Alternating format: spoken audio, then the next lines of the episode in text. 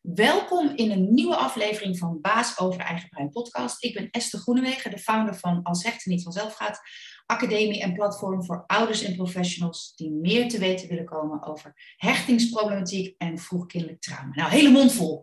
In deze aflevering ga ik in gesprek met een hele bijzondere dame die op mijn pad is gekomen.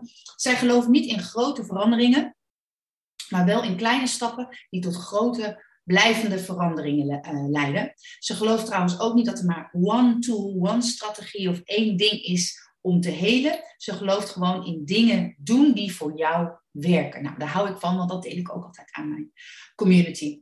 Uh, ze houdt daarnaast ook van een goede gefundeerde aanpak en uh, niet van onnodig ingewikkeld doen. Dus een, een, een, zeg maar vrouw in mijn straatje, zeg maar.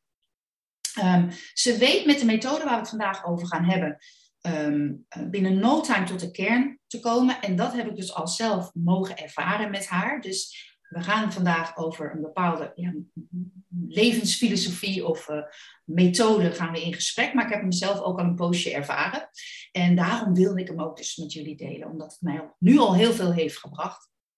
En de methode maakt ook dat je uh, ja, weer ruimte krijgt. En ook weer uh, ja, ik, voor mijzelf was het van, uh, van de vastzitten in die bepaalde patronen en, en, en die overtuigingen dat ik van gelijk heb en dat los kunnen la laten en ruimte creëren en zien dat er ook andere mogelijkheden zijn. Dus dat heeft me echt ontzettend veel gebracht. Dus welkom, welkom. Goed dat je er bent. Welkom in mijn podcast. Vandaag gaan we dus over heart connection hebben. En um, ja, ze noemen heart connection niet per se een therapie of een traumabehandeling, maar meer een levensfilosofie. En dat past me eigenlijk veel beter. Dus nou, we gaan met elkaar in gesprek met Helga van der Hart. dus uh, ja, vertel ons wat er te leren is over deze fantastische methode. Ja, nou ten eerste superleuk. Wat een mooie intro zo, Esther. Je doet natuurlijk echt ook super prachtig werk. Dus uh, ik ben ook heel blij dat ik uh, in jouw podcast ben. Um, ja, één, wat je al zei, ik hou heel erg van de fundamentele aanpak, maar niet zo ongelooflijk ingewikkeld. En ik denk dat Heart Connection daar een hele mooie bijdrage in levert. Heart Connection, eigenlijk heet het Heart Connection Nederland. Ja. Um, Marjolein van der Meulen is daar de, de grondlegger van. En um, voor mij geeft het eigenlijk antwoord op al mijn vragen. Dat gaat natuurlijk niemand geloven, maar zo voelt het in ieder geval voor mij wel. En um, omdat we ervan uitgaan dat alles wat je meemaakt, of dat nou een klacht of een ziekte of een thema of persoonlijke issues, irritaties, alles vertelt jou een verhaal. En als je daar nieuwsgierig naar kunt zijn, dan, um, ja, dan ligt er heel veel goud op je te wachten. En of je dat dan ontdekt of niet, dat maakt dan eigenlijk niet zoveel uit. Maar dat je kunt onderzoeken van, hé, hey, wat, wat vertelt mij dit eigenlijk? dus in het geval waar jij natuurlijk veel mee werkt, met, met kinderen, met hechtingsproblematieken. Um, ja, kinderen vertonen dan bepaald gedrag. Um, ja, welk verhaal wordt er dan verteld? En dan heb je eigenlijk eerst, is het een ontmoeting met jezelf die dat vraagt. Um, ik heb zelf ook drie kinderen in de leeftijd van 16, 12 en 9. kom ik natuurlijk ook wel eens wat uh, uitdagingen in tegen. En ja, dan heeft deze manier van kijken, die helpt mij zo in, uh, in de opvoeding naar mijn kinderen, in mijn eigen relatie met mijn man. Uh, het is een ongelooflijk mooie bijdrage in het werk wat ik doe hier in uh, mijn coachingspraktijk. En um, ja, en het past mij. Ja, ja. En uh, ik zit zo naar je te luisteren en ik kan me dan zo voorstellen dat er toch nog uh, uh, luisteraars zijn die denken, ja, klinkt allemaal wel leuk, maar is een beetje vaag. Dus iets wat er in mij naar boven kwam ook, waar je het wel eens over hebt, over de acteur. Dat er andere ja. mensen een acteur zijn in je leven. Dat is soms ja. best wel moeilijk om dat ehm, te accepteren of om het op die oh, manier te gaan zien. Maar misschien kun je daar iets over vertellen. Ja, een leuke vraag. Ja, ik ik weet niet, zie je heel goed de basisprincipes bij mij? Ja, ik zie het. Ja. niet? Jij kan ze zien, dus dan kunnen de, de kijkers uh, slash luisteraars het ook ja. zien. Behalve um, de luisteraars straks op de andere platforms. Dus moet, als je er straks ik noem ze wel hoor, ik zal ze noemen. Ik zal ze zeker noemen. Maar de YouTube-kijkers, die zien ze nu. In ja, ja. Um, nou, nummer één is eigenlijk, ik ga ze niet alle tien nu behandelen hoor, maar ik, ik doe dan eventjes de eerste drie, omdat daar ook acteur in zit. Uh, een van de basisprincipes, het eerste basisprincipe is bewustzijnsveld. Ja, bewustzijnsveld kan nog een beetje vaag klinken. Voor mij is dat eigenlijk gewoon het leven. Dat wat de dagdagelijks zich afspeelt. Dat wij nu hier een podcast aan het opnemen zijn. Dat ik net van thuis kom. Uh, wat er allemaal nog staat te gebeuren vandaag. Um, en Joe Dispenza noemt dat misschien ook wat meer de kwantumfysica. Dat alles met elkaar verbonden is. Uh, niets is toeval. Um, en wat er gebeurt is, in ons bewustzijnsveld komen dus nummer twee, die acteurs. En die acteurs kunnen heel leuk zijn, hè? want dat, acteurs zijn mensen of situaties. En dat kan heel leuk zijn, weet je. Jij bent nu acteur, ik vind dit ook leuk. Um, de kinderen kunnen acteurs zijn.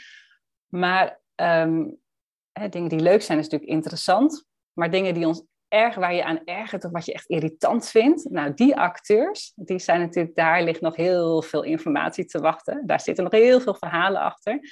Um, maar wat nou zo irritant, want een acteur kan zijn, nou ik zei het net al, hè, je kinderen zijn echt vaak onwijze acteur. Je partner, ongelooflijke, dankbare acteur.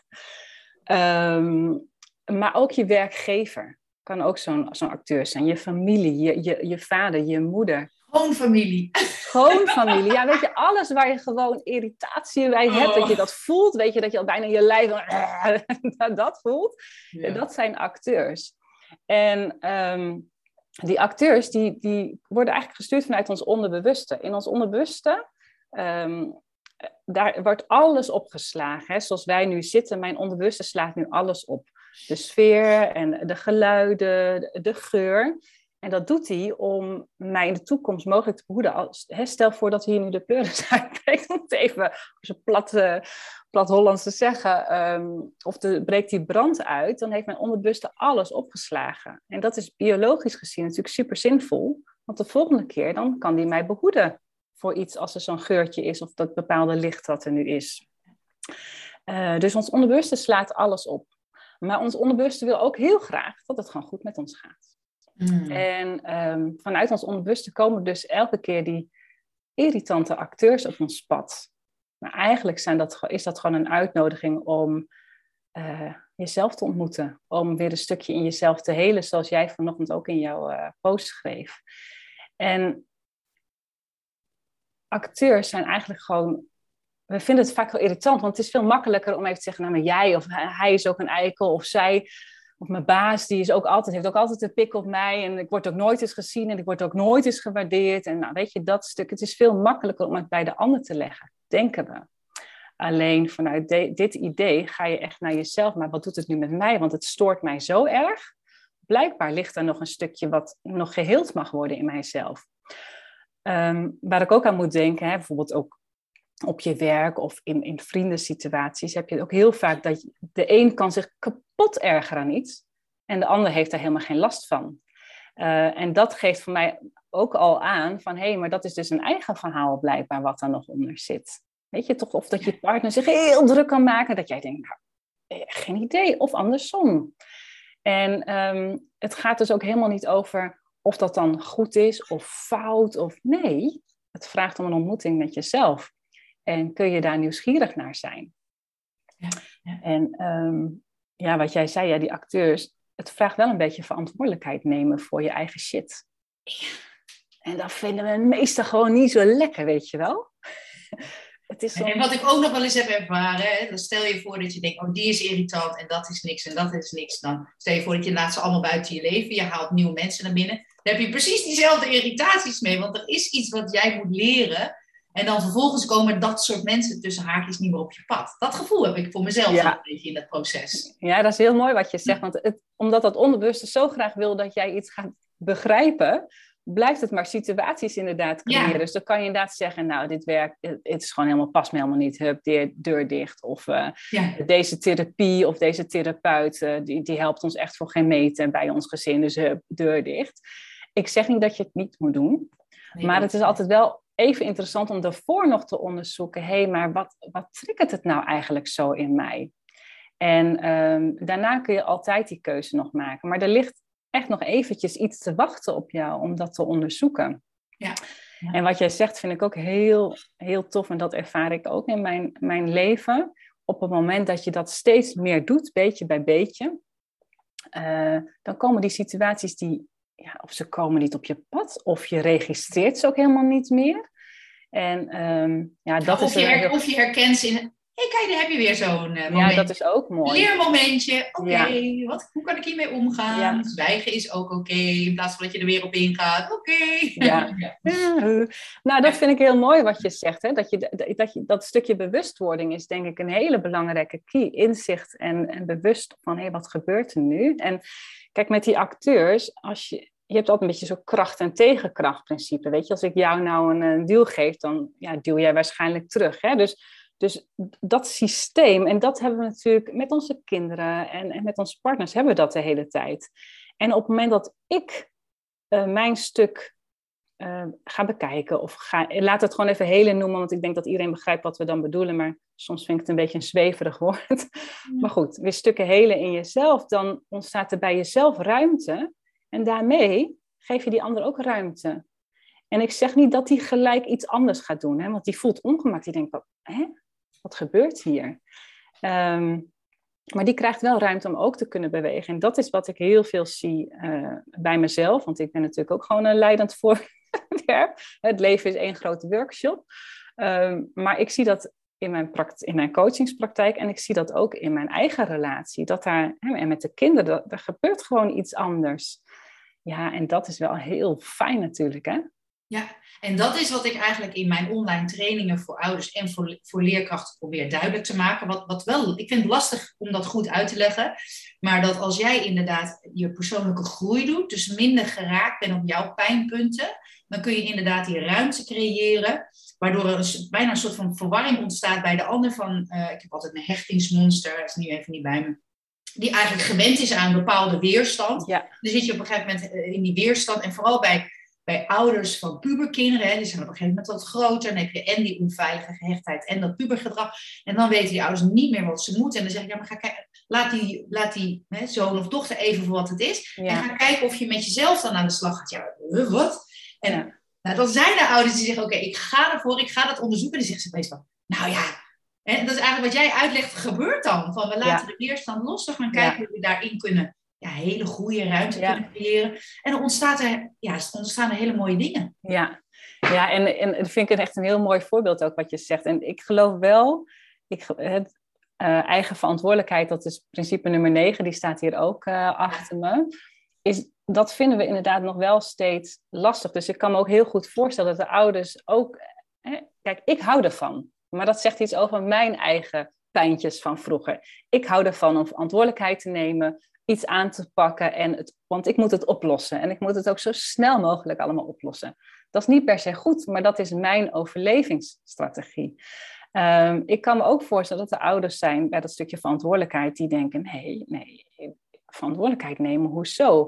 Maar ook dat is helemaal oké, maar het vertelt weer een verhaal dus kun je dan met elkaar gaan kijken van, hé, hey, en vertel eens, wat, wat roept dit nu bij jou op? Dat je het lastig vindt om verantwoordelijkheid te nemen voor wat het met jou doet. Wat voor gevoel geeft dat jou dan? Uh, en als je daar dan wat op door kunt praten, uh, ja, dan kom je ook bij hele mooie stukken. Ja. Um, en, en ik denk dat dat ook tof is, ook in jouw vak, Esther, om dat dan te onderzoeken. Het is niet goed of fout. We doen ja. alles vanuit uh, overleving. Nou, daar kunnen we misschien zo nog wel een stukje over hebben. Maar um, ja, nu ook weer nieuwsgierig zijn van hé, hey, maar wat vertelt het ook als, als coach of therapeut, hè, hoe, je jezelf, hoe we onszelf ook zien.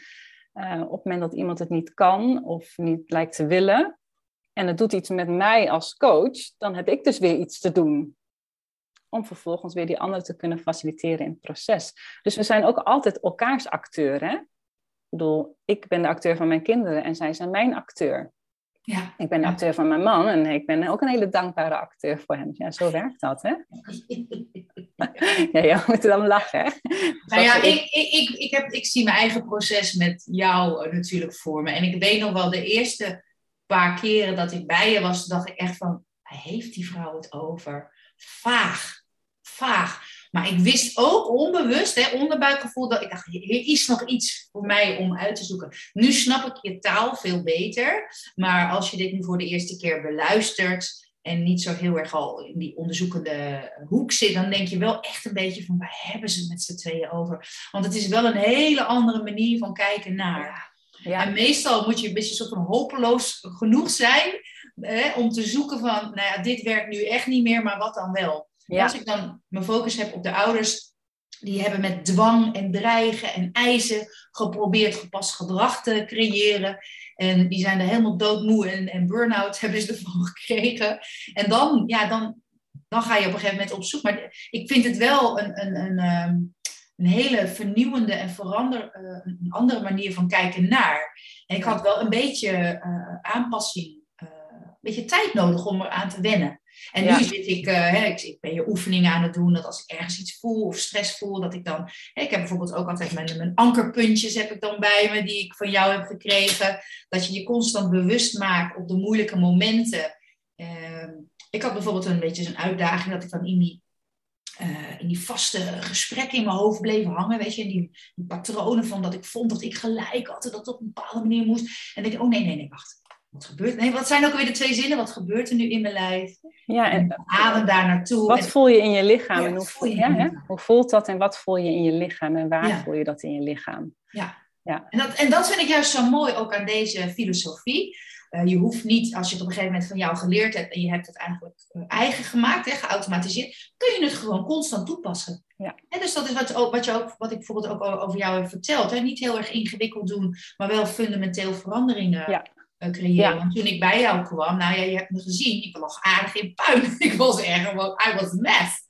En nu merk ik gewoon dat ik al een stuk beter uh, weer in het leven sta. Ja. En dat gun ik dan anderen zo ook. Hè? Ja, en dat vind ik mooi wat je zegt, dat je, dat je het inderdaad ook gewoon zelf kan doen. Ik vind het heel fijn als mensen inderdaad niet een ander nodig hebben. En tijdelijk is dat helemaal prima. Ja. Um, maar voor de long term is het natuurlijk heel fijn als het gewoon iets is wat je zelf kunt doen. En dan moet het allemaal gewoon niet zo heel erg ingewikkeld zijn, want anders dan moet je dat allemaal maar onthouden. En wat jij net zegt, hè, ik denk dat dat ook essentie is van hé, wat gebeurt er? Uh, hoe voelt dat in je lichaam? Dat is natuurlijk een hele simpele vraag die je de rest van je leven kunt blijven doen. En daarmee kan die volgens mij ook bijdragen aan verandering. Kijk, ik geef natuurlijk ook wel wat theorieën en daar zal ik misschien zo nog wel wat over vertellen. Maar dat is natuurlijk veel lastiger om dat eh, in je hoofd te houden. En dat hoeft ook helemaal niet, want mm hey, dat onderbewuste slaat het ergens toch wel op blijkbaar. En wat je net zei is hè, dat je dat oude, hè, dat je er misschien eerst in puin moet zijn en dan weer een soort denken, nou, wat is dan mijn nieuwe houvast? Maar wat ik bijvoorbeeld merk is dat deze manier van werken en deze manier van kijken bij, uh, bij jeugd ongelooflijk makkelijk pakt. Want die hebben nog helemaal niet zo ingewikkeld. Dan heb je weer het woordje ingewikkeld. Maar hè, hoe ouder we zijn, hoe ingewikkelder we misschien soms dingen wel hebben gemaakt. Zonder te zeggen dat het fout is, hè, want we doen alles vanuit overleving. Maar ik zie wel dat het bij de jeugd echt super makkelijk uh, aanslaat. Ik, ik moet denken aan mijn dochter, die is dus 12 en die had laatst een opdracht op school. En die, uh, uh, de opdracht was, er was een, de casus was, er was een man en die had brand gesticht. En, um, en dan moesten zij dus een verhaaltje over gaan schrijven. En ik vond dat zij dat echt op zo'n. Toen had zij gedacht: ik ga dat een beetje zo schrijven zoals mijn moeder dat dan zou zeggen. En dat had ze zo tof geschreven. Opeens denk ik, oh, het zou eigenlijk wel tof zijn als ik hem misschien nog even snel kan vinden. Want dan kan ik hem voorlezen. En toen dacht ik, die kinderen die pakken dat zo, zo lekker makkelijk op eigenlijk. Zal ik eens kijken of ik hem zie? Ja, ik ben benieuwd. Heel eventjes... Uh...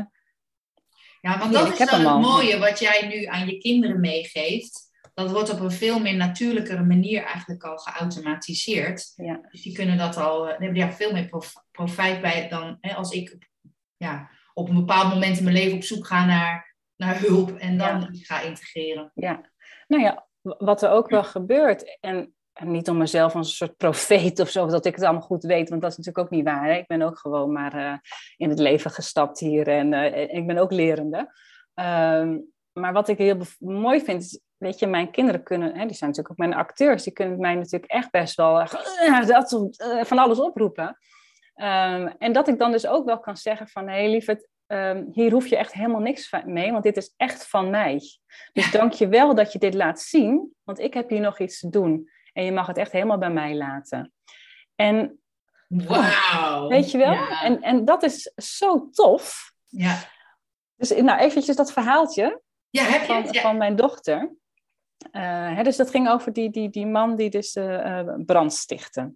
En toen had zij geschreven, is een kort verhaaltje hoor.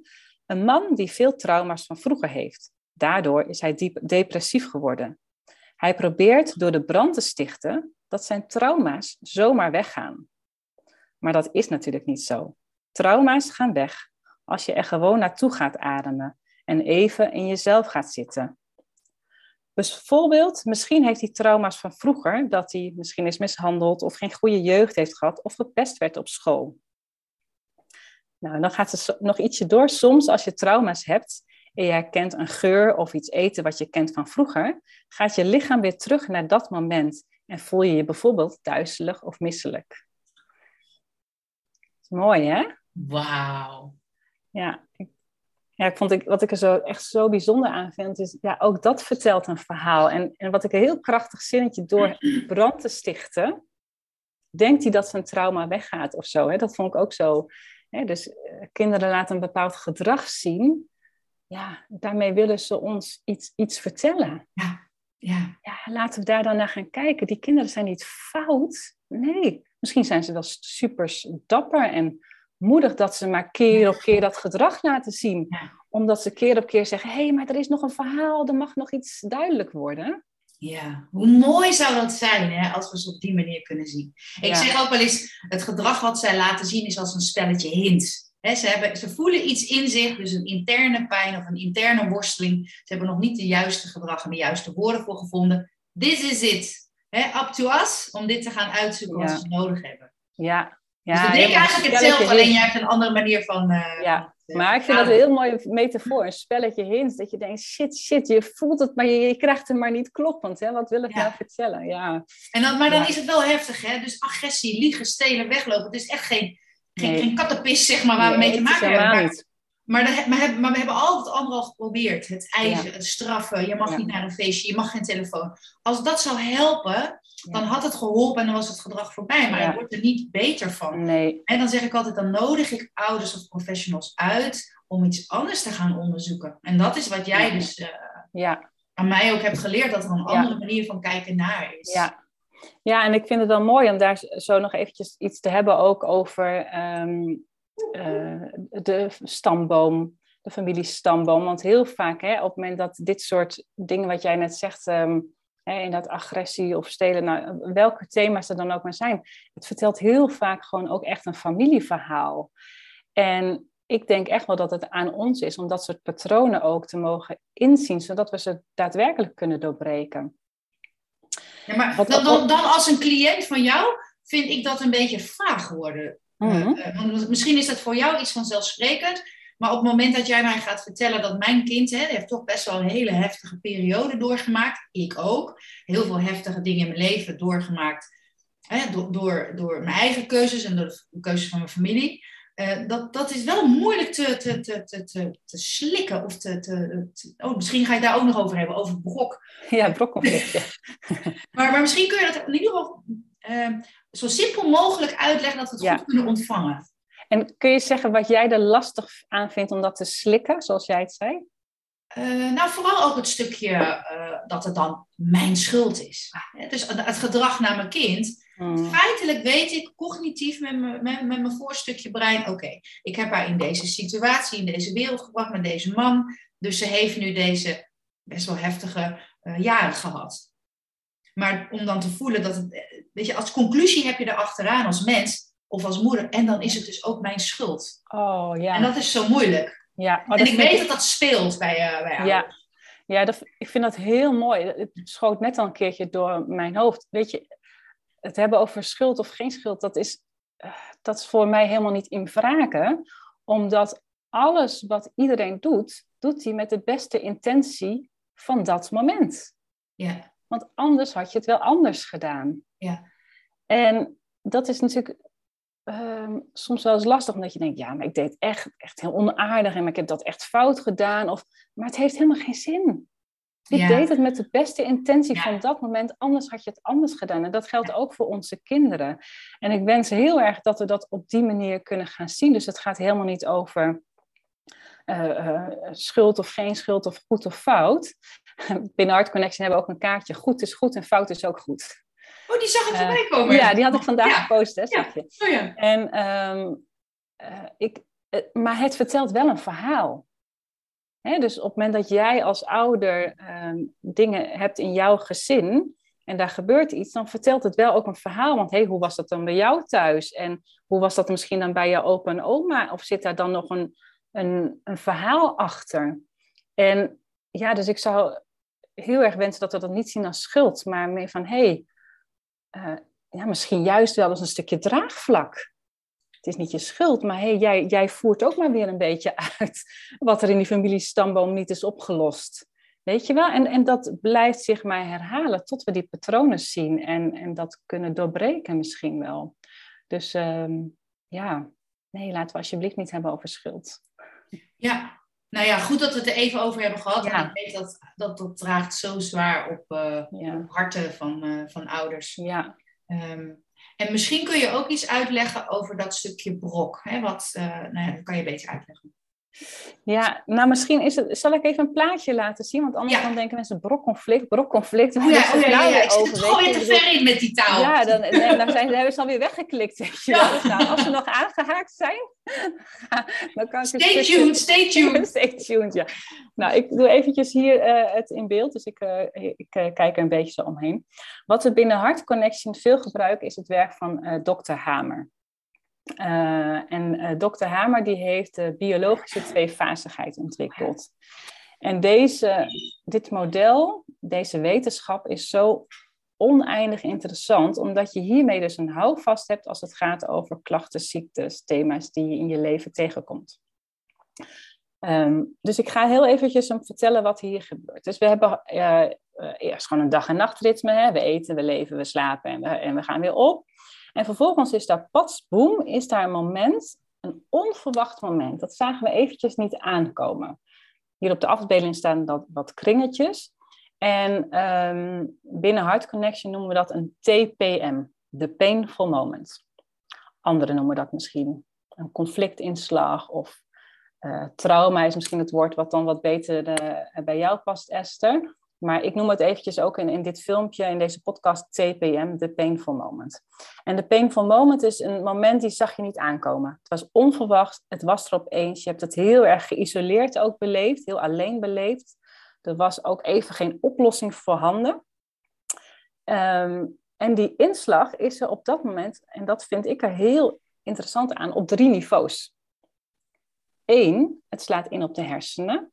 Dus als ik dan een hersenscan doe, zie ik daadwerkelijk die kringetjes die hier getekend zijn. Die zijn misschien een beetje klein, maar dat zie ik op een hersenscan. Afhankelijk van de plaats in de hersenen slaat het ook in op een lichaamsdeel, hè, op orgaanniveau. Want alles in mijn hersenen is natuurlijk gekoppeld aan alles in mijn lichaam. Hè, dat stuurt het aan. Hè, dus op het moment dat ik een inslag ervaar, um, uh, bijvoorbeeld hier, hier achter in mijn hoofd, daar zit dan de, de hersenstem, de stam, dat wordt alweer een beetje technisch. Um, uh, maar goed, dat is weer gekoppeld aan bepaalde organen in mijn, uh, mijn lichaam. Hè, onder andere bijvoorbeeld aan mijn slokdarm en aan de longen. Dan zie ik dus ook op een, hersens, of op een scan, ook bij die longen, of afhankelijk waar het precies inslaat, ook die kringetjes. Dus één, het slaat in op de hersenen.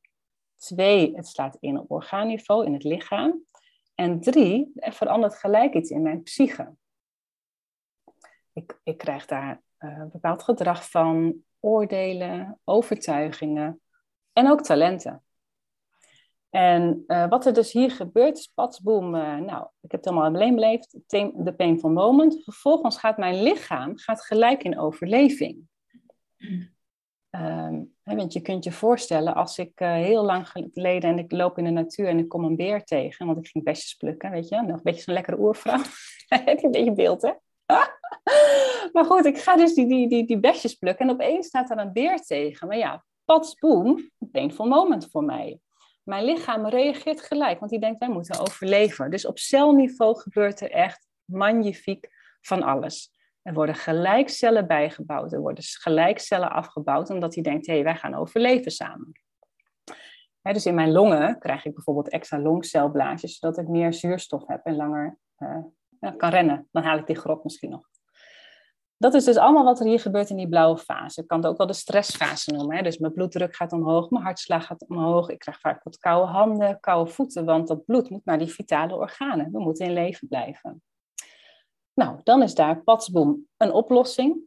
Dus in dit geval, ik gooi die, die steen voor die grot. Ik denk, hé, nou, veilig. En ik kan in de eerste herstelfase komen. En in de eerste herstelfase nou, dat is ook een beetje een stukje biologie, want dit gaat dan eventjes over, dan krijg je dus een beetje koorts, we noemen dat ook vaak ziek, griepverschijnselen, uh, maar ook uh, nachtzweten. Nou, dat kan van alles gebeuren. En waarom is dat biologisch nou zo zinvol? Omdat die stress die hier was opgebouwd, die moet weer worden afgebouwd. Dus al die cellen die hier heel druk waren geweest, die moeten hier weer gerepareerd worden. En uh, bacteriën en schimmels, dat zijn hele goede reparateurs. Die komen dus in actie dan en die gaan het helpen. En die houden van een beetje koorts en een beetje zo'n lekker broeierige, vochtige omgeving. Vinden ze lekker, want dan kunnen ze hun werk doen. En soms kom je dan nog in de piek van de oplossing. Dat is de epicrisis. Die kan vaak wel, soms wat pittiger zijn, want dan gaat hij echt dit wat hier is opgebouwd, dat gooit hij er zo palm in één keer uit in die epicrisis. Uh, dat is bijvoorbeeld overgeven, diarree, uh, maar ook uh, paniekaanvallen, angstaanvallen, ehm, maar ook een nies kan ook, hè? dus dat, het kan ook iets simpels zijn. En vervolgens kom je in de tweede herstelfase en dan moet dat vocht wat hier is opgebouwd, moet allemaal weer worden afgevoerd. Ben je vaak nog moe en je gaat weer verder.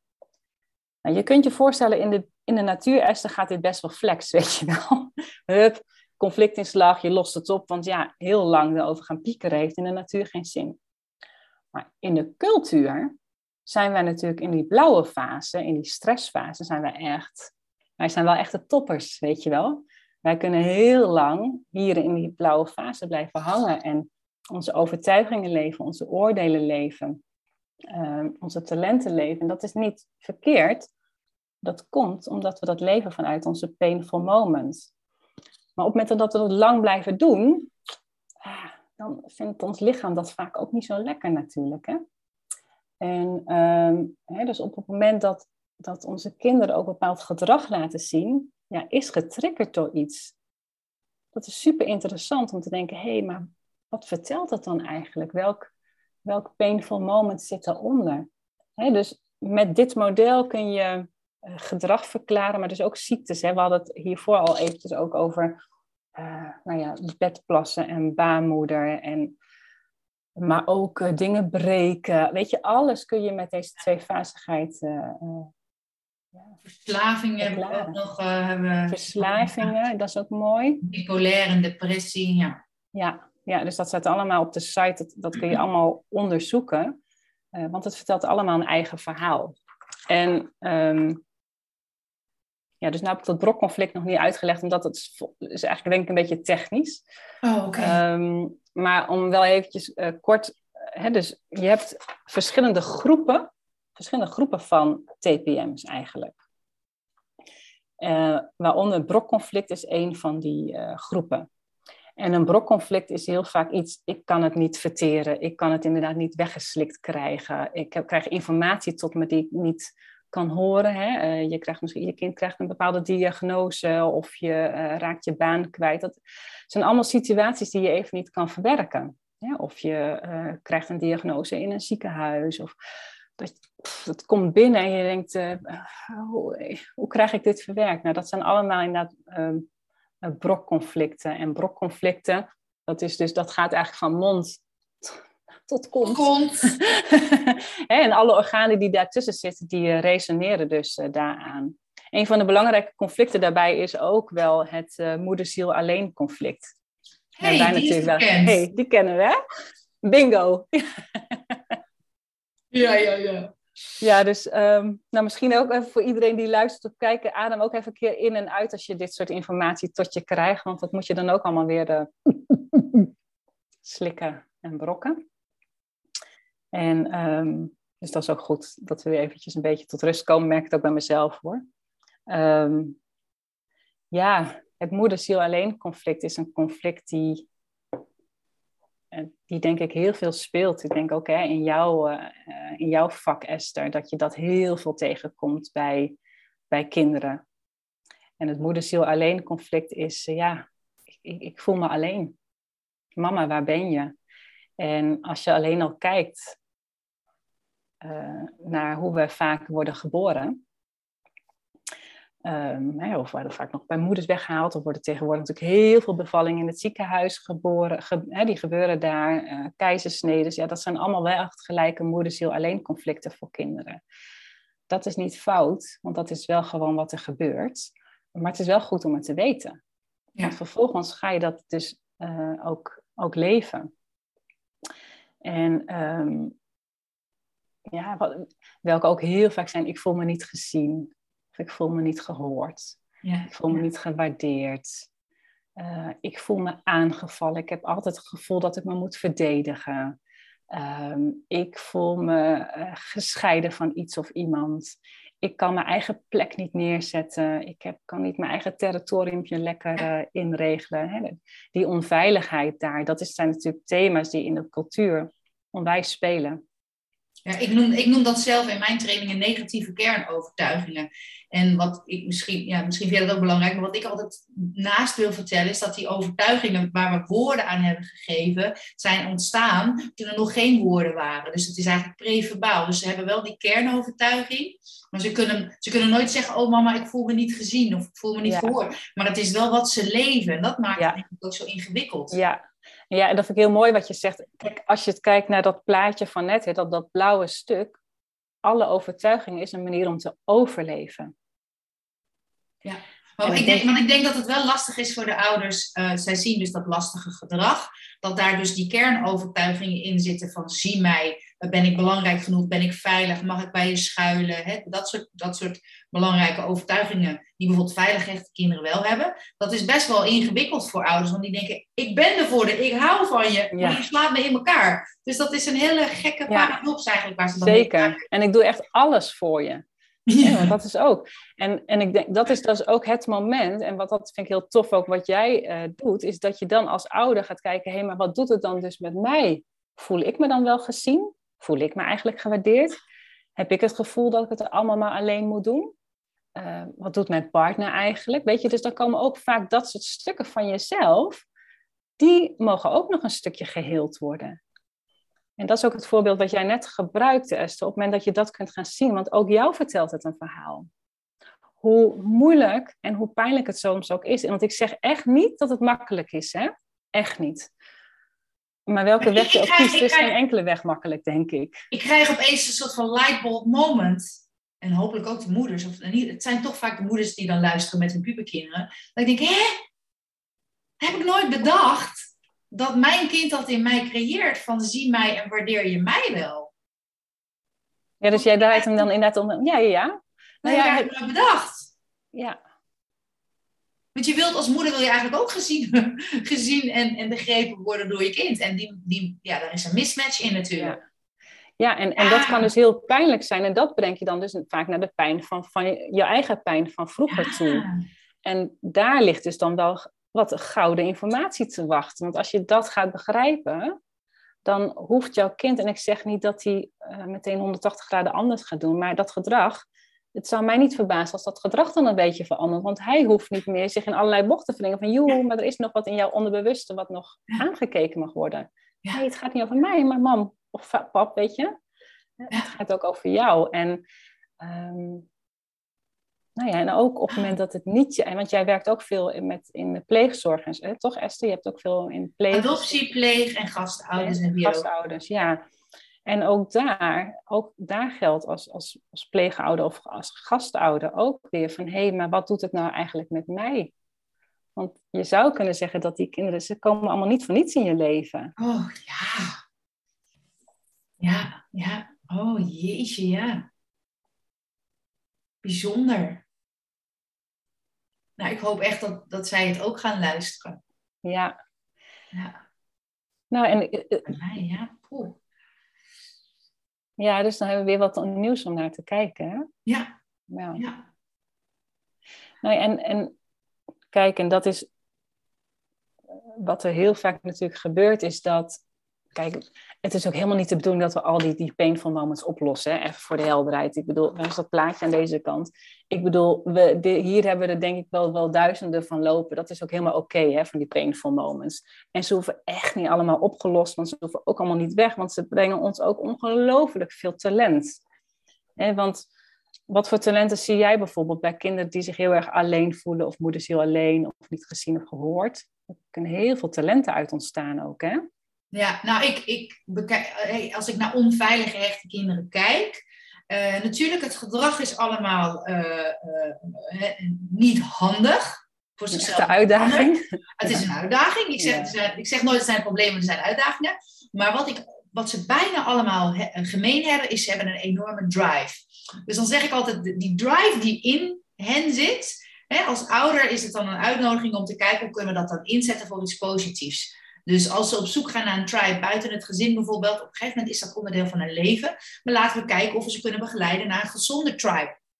Dat zeggen een tribe, groep, groepering, vriendengroep. En dat kan dan een vriendengroep zijn die op de hoek van de straat staat uh, te blowen. Maar het kan bijvoorbeeld ook voor meisjes een manege zijn, of voor jongens een muziekgroep, of een sportschool. Of, uh, dat is dan hoe ik het uh, zie. Ja. Maar die drive, die is echt, echt wel bij al die kinderen, omdat ze hebben het overleefd. En ze hebben het uh, lastig gehad en ze hebben die overlevingsdrang heel sterk. Ja. Dat vind ik heel mooi bij ze. En um, dan ben ik eigenlijk je vraag vergeten. Nou, en wat, wat voor talenten die drive, dit, het positief. En, en, ik denk dat dat heel mooi is. Als je kijkt, je hebt het verleden, we hebben het heden en we hebben de toekomst. Ja. En op het moment dat je de kracht uit het verleden kunt gebruiken, met de kracht uit de toekomst, en je kunt dat koppelen in het nu, mm. weet je, ja. wat ik zelf altijd een hele um, mooie uh, quote vind, is, en ik vind het woord vergeving niet per se goed, maar ik heb nog even geen alternatief woord, want vergeving klinkt, ik moet weer iets doen, maar ik wil het helemaal niet doen. Maar even om de sfeer te proeven is, forgive others, not because they deserve forgiveness, but because you deserve peace. Ik heb hem in mijn kaartenset gedaan, dus je hebt een kaartenset gewonnen. Ik had als je quote in de kaartenset komt, dan krijg je een kaartenset. Die, is, door de, hoe noem je dat? Door, door de keuze... commissie heen gegaan. Door de commissie heen gekomen. Ik vind het zo'n goede quote. Die staat er dus in. Ja. Dus als ik het weer uh, ga oh, zien, dan uh, neem ik een kaartset voor je mee. Ja.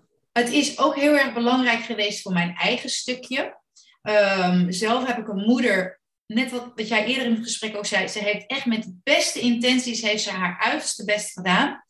Ik heb me niet geliefd gevoeld uh, uh, door haar. En mede door jou kan ik wel, en daar was ik al wel ook een hele poos mee bezig met het proces, maar ook weer door jou. Wat ik kan zien, zij heeft haar uiterste best gedaan, maar ik heb niet gekregen wat ik nodig had op dat moment.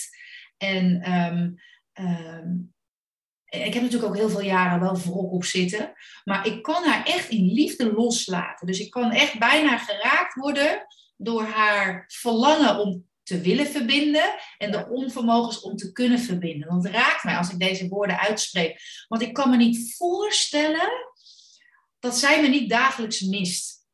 Want ik weet nog een van, uh, toen op een gegeven moment toen ik hè, aan kinderen begon, toen was ik eigenlijk, en misschien kunnen andere luisteraars dat ook uh, beamen, doodsbang. Want ik dacht, stel je voor, want ik had wel het verlangen om een kindje te krijgen, maar ik dacht, stel je voor dat dat nou niet lukt. Want iedereen doet er maar zo vanzelfsprekend over. Uh, en dat ik dus een kind krijg en daar werkt het dus niet mee. En dat bleek dus bij het eerste kindje ook nog zo te zijn.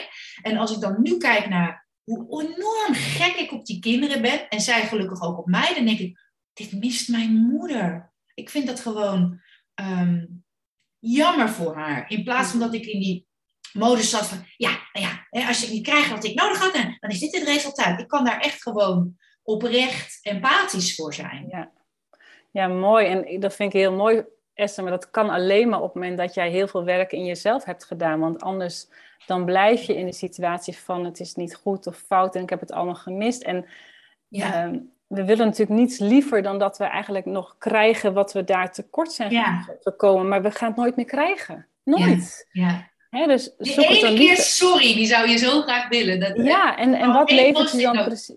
Ja, en, en wat kun je dan dus aan jezelf geven? Hè? Dus wat heb je gemist en hoe kun je dat vandaag elke dag een klein beetje aan jezelf geven? En weet je, ik, ik bedoel, ik wens ook dat. Kijk, want hoe meer wij onze stukken nu kunnen uh, helen en, onze, en, de, en, de, en de patronen kunnen doorbreken, hoe veel meer ruimte er ook voor onze kinderen komt. En ook weer voor die kinderen. Hè? Dus ik, ik geloof heel erg dat dat werk wat jij en ik doen, dat, dat innerlijke werk ook, dat dat voor mijn familielijnen en voor mijn kinderen en later mijn klein, dat dat dus allemaal een hele belangrijke bijdrage is. En ehm, ja, ja, dus ik vind het heel mooi wat je zegt. Kijk, en daarom, ik gebruik het woord vergeving niet zo of accepteren, omdat ik dat, dat ja, ja. niet gaan doen. Maar ik kan wel voelen in het nu, wat doet het nu met mij? Uh, en, en die kringetjes hè, van zo'n TPM, die kunnen dan ook steeds wat kleiner worden. Je poetst dat weg en zo visualiseer ik me dat dan maar. Um, dus die kringetjes, daar bedoel je eigenlijk mee, uh, voor de luisteraars die misschien geen beeld hebben. Ik, ik, ik zag het een beetje voor me als een ui. Hè? Dus ja. je kan steeds allemaal meerdere, of misschien een steen in een vijver. Ja, ook mooi. En, um, en ik doe het werk nu met jou sinds de zomer of zoiets. Ja. En uh, ja, ik, ik weet niet of je het kan vertalen naar die ui, en dat die laagjes eraf zijn, maar hoe ik nu in het leven sta en een half jaar of drie kwart jaar geleden, ik weet niet meer precies, um, of een half jaar geleden, um, is gewoon mindblowing hoe anders dat is. Ja, ja het, is, het is heel gek, hè? want het is, het is eigenlijk bijna een 180 graden andere kijk dan we gewend zijn. En tegelijkertijd is het ook de enige, meest logische kijk voor mij. Hè? Kijk ook nog eens vanuit de biologie en niet vanuit de cultuur, hè? met die tweefazigheid die ik net verteld heb. Maar um, ja, we zijn er denk ik best wel goed in geworden om toch dingen buiten onszelf te leggen of het daar te gaan vinden. En, en, en uh, ja, je misschien schuld en daar komt het door. Maar ja, jeetje, wat levert je op? Heel vaak echt wel veel frustratie en, ja. en gelukkig ook inzichten. En, en nou, voel die dan ook weer in je lichaam. Hè? Want waarom is je lichaam erbij nou zo ongelooflijk belangrijk? Vertelde net al zo'n painful moment dat hij inslaat op die drie niveaus: hersenen, lichaam en psyche. Dus op die drie niveaus is het ook best wel handig om een beetje aan de slag te gaan. Ja. Uh, ja zodat, daar, ja, zodat daar die heling kan plaatsvinden. Want ik weet wel ook uit eigen ervaring en uh, ook van de vele verhalen die ik uh, hoor, is dat op een gegeven moment zijn we uit dit boxje gaan leven. Hè? Dus het voelen was op op jongere leeftijd, uh, ja, daar was je aan overgeleverd en je kon ook niet ontsnappen. Dus hebben we dit maar zo uh, afgesneden. En dan onze les, of in ieder geval mijn les, was weer om daarmee in contact te komen. En de volgende ja. begint zo vaag. Ook weer bij jou. En ik heb best wel in de loop van mijn leven andere persoonlijke ontwikkelingstrajecten en opleidingen gedaan. Maar dat hele geneuzel over het voelen en zo. Ik dacht echt van, jongens, succes ermee. En nu merk ik, nu ik wat ouder ben, dat me dat lukt, dat ik het snap en dat ik het ook ga doen en dat het me wat brengt. Ja. Maar voor jongeren is het vaak wel echt ver van je bedshow. Ja. Het is veel veiliger om vanaf hier, vanuit hier te leven en ja. de rest te blokkeren. Nou, dat is heel mooi wat je zegt. Weet je, dat, dat wat je overlevingsmechanisme ook is, dat is dus eigenlijk ook altijd goed. He, dus op het moment dat jij vanuit je hoofd veel doet, uh, wat ik ook heel vaak hoor, hè, gaan hard gaan werken of zo, dat is allemaal, ja, je zou kunnen zeggen, biologisch is het perfect. Ja, dat, dat zeg je vaak. Kijk, ja. die tweefazigheid is gewoon de biologie van het lichaam. Dat wij als mens daar van alles aan zijn gaan hangen en allerlei oordelen aan zijn hangen, dat is ook, ja, dat, zo, zo werkt het. Ja, dus, dus alle overlevingsmechanismes die we hebben ja, vanuit je hoofd of niet voelen, of, dat zijn allemaal overlevingsmechanismes. Ja, die je lichaam denkt dat je daarmee in leven blijft. Ja. En, en dat was natuurlijk ook zo in je jonge jeugd, ja. En dat is ook nog eens zo, hè. Maar goed, met ons hoofd zouden we kunnen zeggen... nou, maar je hoeft toch niet per se te gaan blowen om in leven te blijven? Hè, dat, weet je, je hoeft toch niet te gaan stelen om in leven te blijven? Maar het is wel een overlevingsmechanisme. En oh, ons ja, systeem ja. denkt... Want die, die, die kent niet het verschil tussen een beetje leven, een beetje dood. Hè? Die doet gewoon, het is of leven of dood. Ja. Uh, en zo reageert ons systeem. En zo reageren ook onze overlevingsstrategieën. Ja. En als we er op die manier naar kunnen kijken, dan, ja, weet je, dan geeft dat ook een beetje rust. En een beetje, beetje, een beetje lichtheid misschien wel. Ja, ja mooi, mooi. Ja. Hebben we nu in ieder geval het grootste en het belangrijkste wat er te leren is over deze filosofie met elkaar besproken? Of denk je nog van, dat is nog echt iets wat ik wil, wil meegeven in dit gesprek?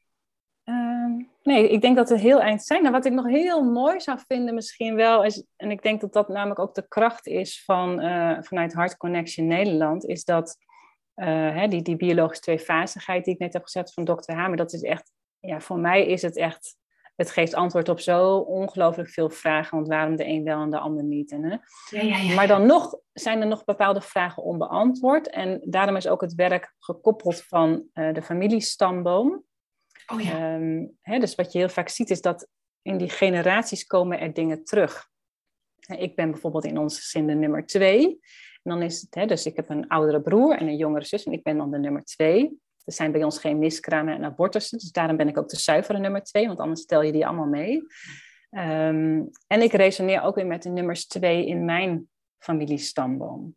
Er kunnen soms hele waardevolle, uh, ja, hele waardevolle informatie nog liggen. Ook als je een verhaal denkt, ja, maar waarom leef ik dat dan nu? Of dat komt dan niet bij mijn ouders vandaan. En nou, dat vind je heel vaak nog in de familiestamboom terug. En op het moment dat je dat soort patronen gaat begrijpen, dan ja, dan hoef je ook niet, vaak niet meer zoveel te doen, want dan kun je hem gewoon doorbreken. dus die familiestamboom is in combinatie met die tweefasigheid denk ik ook een hele uh, krachtige. Daarnaast hebben we de levensblauwdruk. Ik weet niet, gebruik jij ook de levensblauwdruk veel in jouw werk, Esther? Uh, misschien wel, maar dan niet met deze woorden. Nee, niet deze woorden. Nou, je levensblauwdruk is inderdaad de periode eh, van concept. Eigenlijk het is het negen maanden voor conceptie negen maanden zwangerschap en het eerste levensjaar. Dus dat zijn 30 maanden. En wat we in de praktijk gewoon heel veel zien, en dat is dan ook natuurlijk allemaal wel wetenschappelijk onderbouwd en zo, is maar wat daar gebeurt in die 30 maanden en wat niet verwerkt is door de ouders. Ja, oké. En nogmaals, ook daar gaat het dus niet over goed of fout, want we doen allemaal met de beste intentie van dat moment. Maar wat daar niet verwerkt is, komt weer bij uh, het kind terecht. Wauw, ja. En die blijft maar zijn best doen om dat verhaal te vertellen. Ja, ja, ja. En ook nog, dus het gaat niet over goed of fout, maar het is uh, heel tof om dat uh, te kunnen gaan zien. Nou, en dan heb je nog je eigen persoonlijke tijdlijn. Um, en dat zijn dus de, de, gebeurtenissen in je eigen leven. En die, wat je daar ook heel vaak ziet, is uh, patronen. Dus ik heb bijvoorbeeld iemand in de praktijk en die heeft een hartinfarct gehad in eh, in een bepaalde maand afgelopen jaar. En wat we gewoon zien is dat je dat echt terugziet in patronen. dus er zit een trigger onder, een TPM onder. En die herhaalt zich tot en met haar familiestamboom aan toe. Dus in haar eigen tijdlijn, het zit in haar levensblauwdruk en het zit ook nog eens in haar familiestamboom. Wow. En uh, nou, dat is dan natuurlijk wel bijna een soort schoolvoorbeeld van hé, hey, we kunnen me helemaal zo zien. En dat hoeft helemaal niet altijd. Maar soms kan het heel fijn zijn met zo'n extra stukje inzicht of een, net zo'n handvat om het uh, verhaaltje compleet te krijgen. En ja. ja. nogmaals, dat doe je voor jezelf, dat doe je voor je kind, voor de kinderen daarna en ik denk ook nog voor uh, onze ouders daarboven. Dus, um, oh, oké, ja. ja, ja, mooi, mooi, mooi. Ja, ik wil je nog veel meer vertellen, maar ik denk dat we het een beetje gaan, uh, gaan afronden. Um, uh, waar ik altijd mee eindig met de vraag is: wat is dat ene ding, dat ene ding wat we zeker moeten meenemen als we hier naar luisteren, uh, naar dit gesprek? Oh, um, ja, eigenlijk de, de woorden: alles vertelt een verhaal en vraagt om een ontmoeting met jezelf. Mm. Die is mooi, die is mooi. Dankjewel. En waar kunnen we meer te weten komen over Heart Connection Nederland, maar ook over jou? Als er mensen zijn, wow, dit vind ik interessant, het heeft me geraakt. Waar kunnen ze naartoe? Ja, Um, nou ja, de, de, de, van Heart Connection kan je natuurlijk sowieso altijd op heartconnectionnederland.nl uh, eh, Daar kun je ook eindeloos los als het gaat over inderdaad verslavingen, bipolair, depressie, allerlei ziekten. Alles staat erop uitgelegd. Dus uh, nou, daar kun je natuurlijk lekker gaan snuffelen. Uh, mijn eigen site is helgavandehart.nl. Uh, eigenlijk vrij eenvoudig. En, daar en heb je, je nog iets wat we kunnen downloaden? Dat we ja. eventjes in het kort. Ja, er staat wel een, eh, een gratis weggeven op. Ik moet zeggen, die heb ik dan eh, misschien al wel weer twee jaar geleden of zo gemaakt. Nu, nu zou een andere weggeven. Maar ja, je kunt je zeker aanmelden. En uh, als er weer een andere weggever komt, dan. Uh, ik heb er alweer twee op de plank liggen, ook vanuit Heart Connection. Dus die komen er dan ook aan.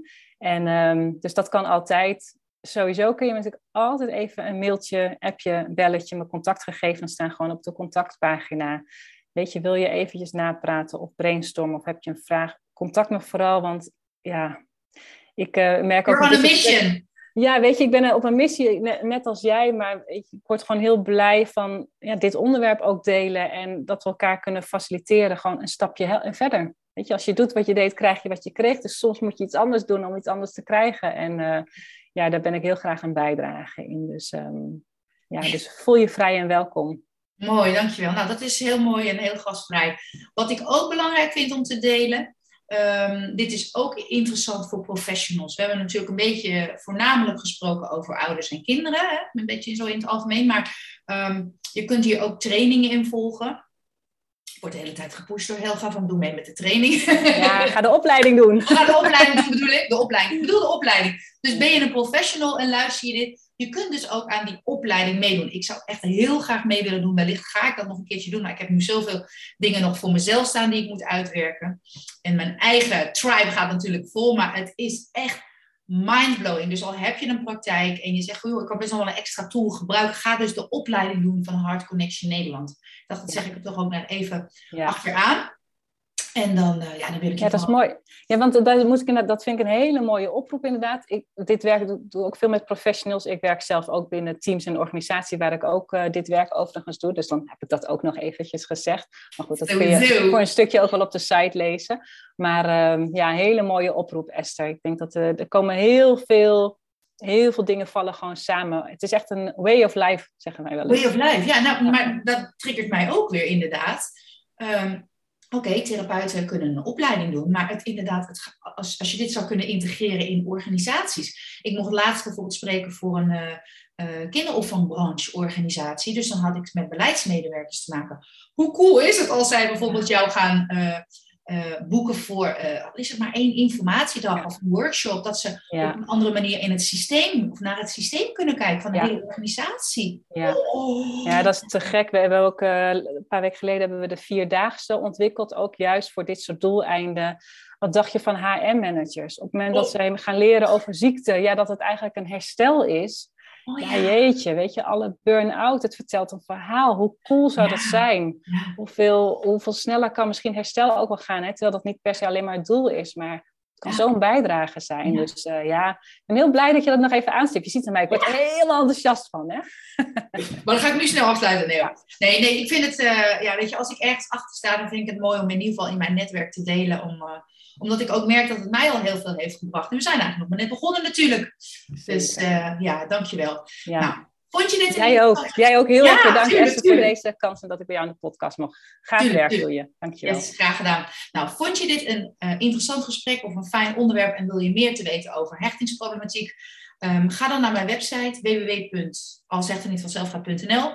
Je kunt daar van alles vinden. Online um, opleidingen, uh, maar gratis e-book. Wat is er met mijn kind aan de hand? Mijn nieuwe kaartenset. Ik hou hem nu in mijn hand voor degene die de podcast beluisteren. Die is net vers van de pers binnengekomen. Dus een inspirerende kaartenset voor ouders van kinderen met hechtingsproblemen, waarin ik dus allemaal quotes heb verzameld. Een van de quotes is van Helga, de, quote over vergeving. En zo probeer ik eigenlijk um, ja, steeds weer nieuwe dingen te verzinnen, steeds weer nieuwe paden te bewandelen. Maar mijn hoofdmissie is dus om hechtingsproblematiek um, beter bekend te maken. Zodat er meer bewustzijn, begeleiding en vooral juiste hulp komt voor ouders en hun getraumatiseerde kinderen. En that's my life mission. Dus heel erg bedankt voor vandaag en dan uh, sluiten we het hierbij af. Bye bye.